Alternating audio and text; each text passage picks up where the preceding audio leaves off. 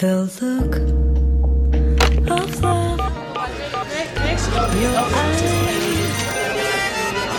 Your smile.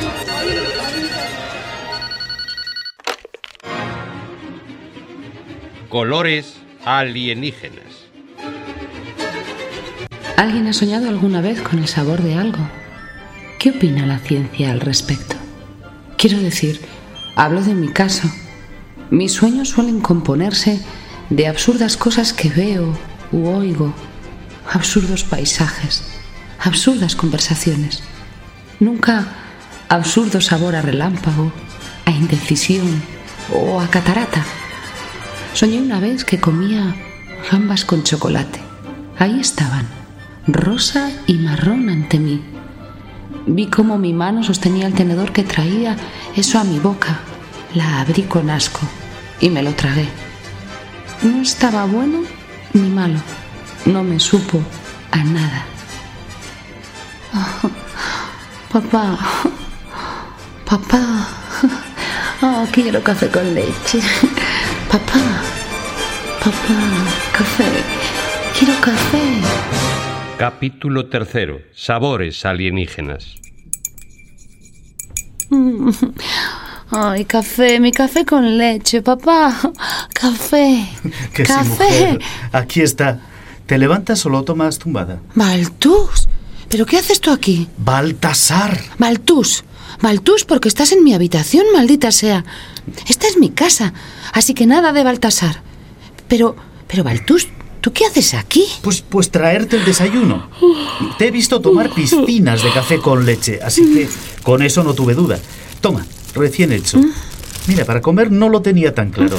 Así que, a ver, hay dos croissants, dos donuts, dos napolitanas de crema, dos de chocolate. Espera, dos- espera, espera, pero ¿tú cómo has entrado? Llamé. Me abrió una chica rubísima, ¿eh? Katia, una compañera de piso, es rusa.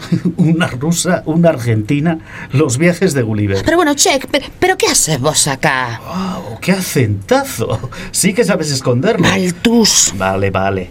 Te contesto. A ver, ayer estabas muy afectada. Quería ver cómo ibas con tu... Bueno, si te encontrabas bien. ¿Cómo iba con mi qué?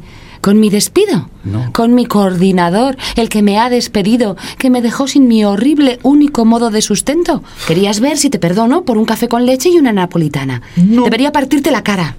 Pásame una de crema, anda. No, Flora. Atentos todos, Flora me dijo. Quería ver cómo ibas con, con lo de tu padre.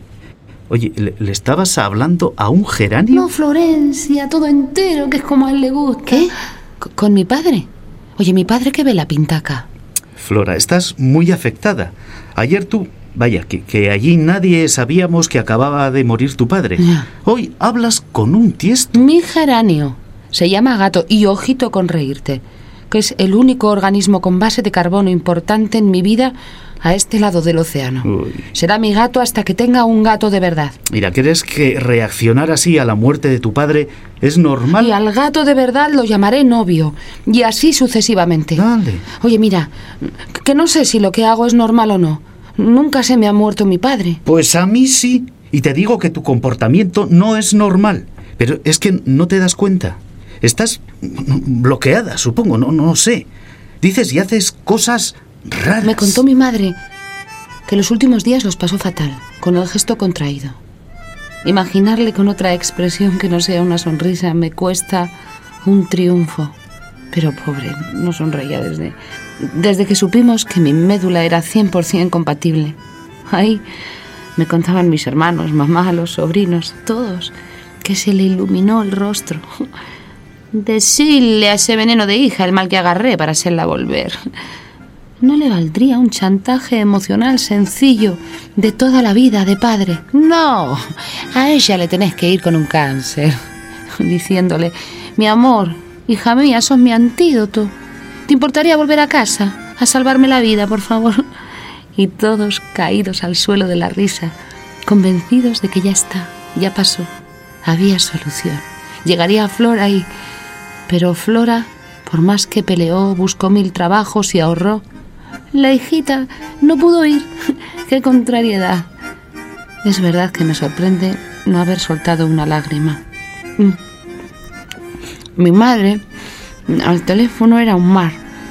Y desde hace tres días todo lo que percibo ha virado a inodoro, incoloro e insípido. Esta napolitana tan rica, por ejemplo, me está sabiendo a corchopan. Exacto, sí. Lo que yo decía es... Vale, tienes un bloqueo muy, muy importante. ¿eh? Por eso me impactó tanto el loquito viejo de ayer, el que me salió en la línea. Qué gozada. Suena un triángulo y el tío fumao se va over the rainbow. ¿Pero qué toma esta gente? No toman nada. Son sinestésicos. Es de nacimiento. Mira, tienes que salir de ese bloqueo, Flora. Hasta que no lo superes, eres una bomba.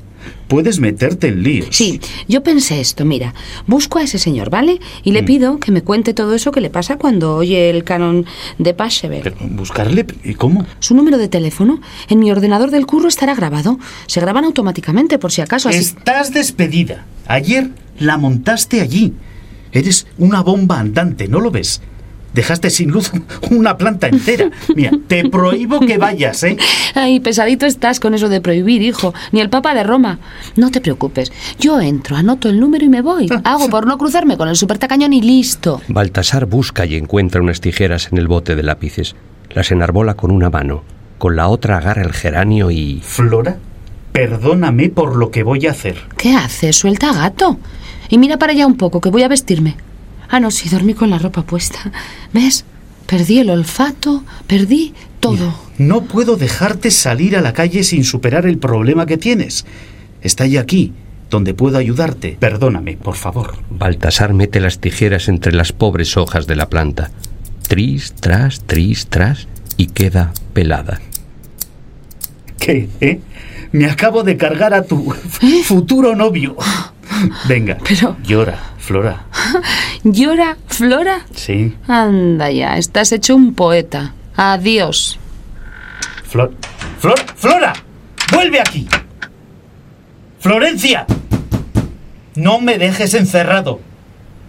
Abre. Katia, Pero no hay nadie más en casa. Flora, Flora, ábreme. Flora. Fin del capítulo tercero. Colores alienígenas. Guión original de José María Trujillo Garrido. Flora, Carmen San Esteban.